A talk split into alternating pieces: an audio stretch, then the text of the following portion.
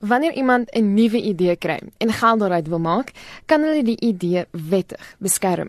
Volgens Clear Waterhouse, Dr. Sonder Grense se raadgewer oor die aangeleentheid, word die idee dan intellektuele eiendom genoem en dit word beskerm deur patentewetgewing. A patent is essentially a right that is given to a company when they develop a new product, which gives them protection for 20 years from any kind of competition.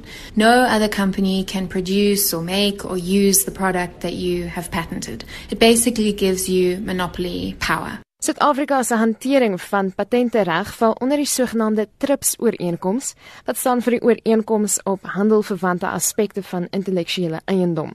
As lid van die Wêreldhandelorganisasie moes Suid-Afrika die ooreenkoms onderteken. That agreement tries to ensure that everyone follows the same global standards for patenting. So it means that we had to change some of our laws in the 90s to adhere to the standards that the TRIPS agreement set. Heel party lande het egter gesê die ooreenkoms is te streng en benadeel landsburgers wat veral medisyne betref. Van hier af is die Doha-verklaring bekragtig en dit bepaal dat openbare gesondheid in lidlande nie benadeel kan word deur die TRIPS ooreenkoms nie. When a government can say to the company that has the patent, the one that might not have enough supply or might be charging extortionate prices, they can say, actually, we are forcing you to allow generics into the country. And what that does is bring in competition, it brings in enough supply, and it allows the prices to drop.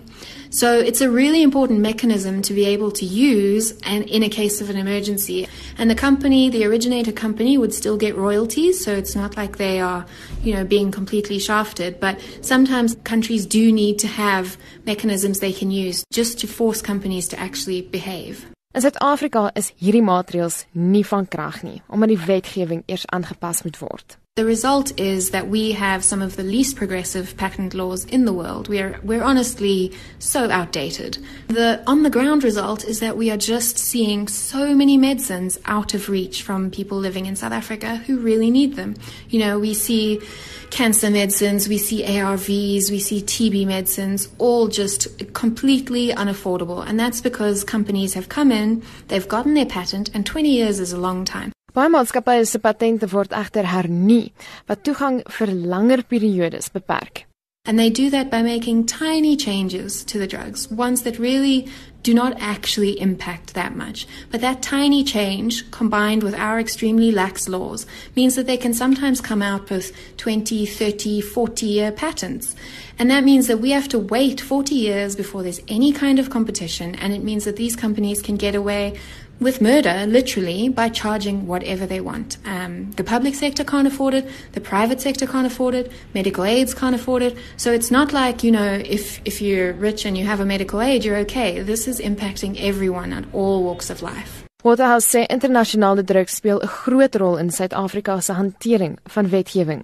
Tog is die departement van handel en nywerheid nou aktief besig om die wetgewing aan te pas en 'n nuwe wetsontwerp is verlede jaar beskikbaar gestel vir rolspelers se terugvoer. We are finally heading towards some kind of progressive patent laws.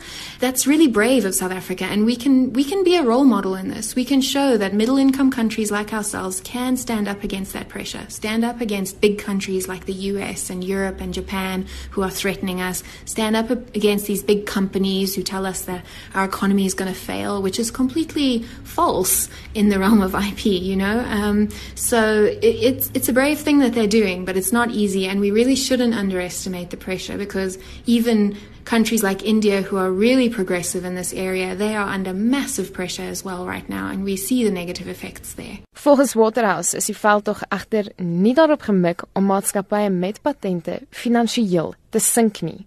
We're not saying there should never be any patents. We're saying that undeserved patents should not be granted.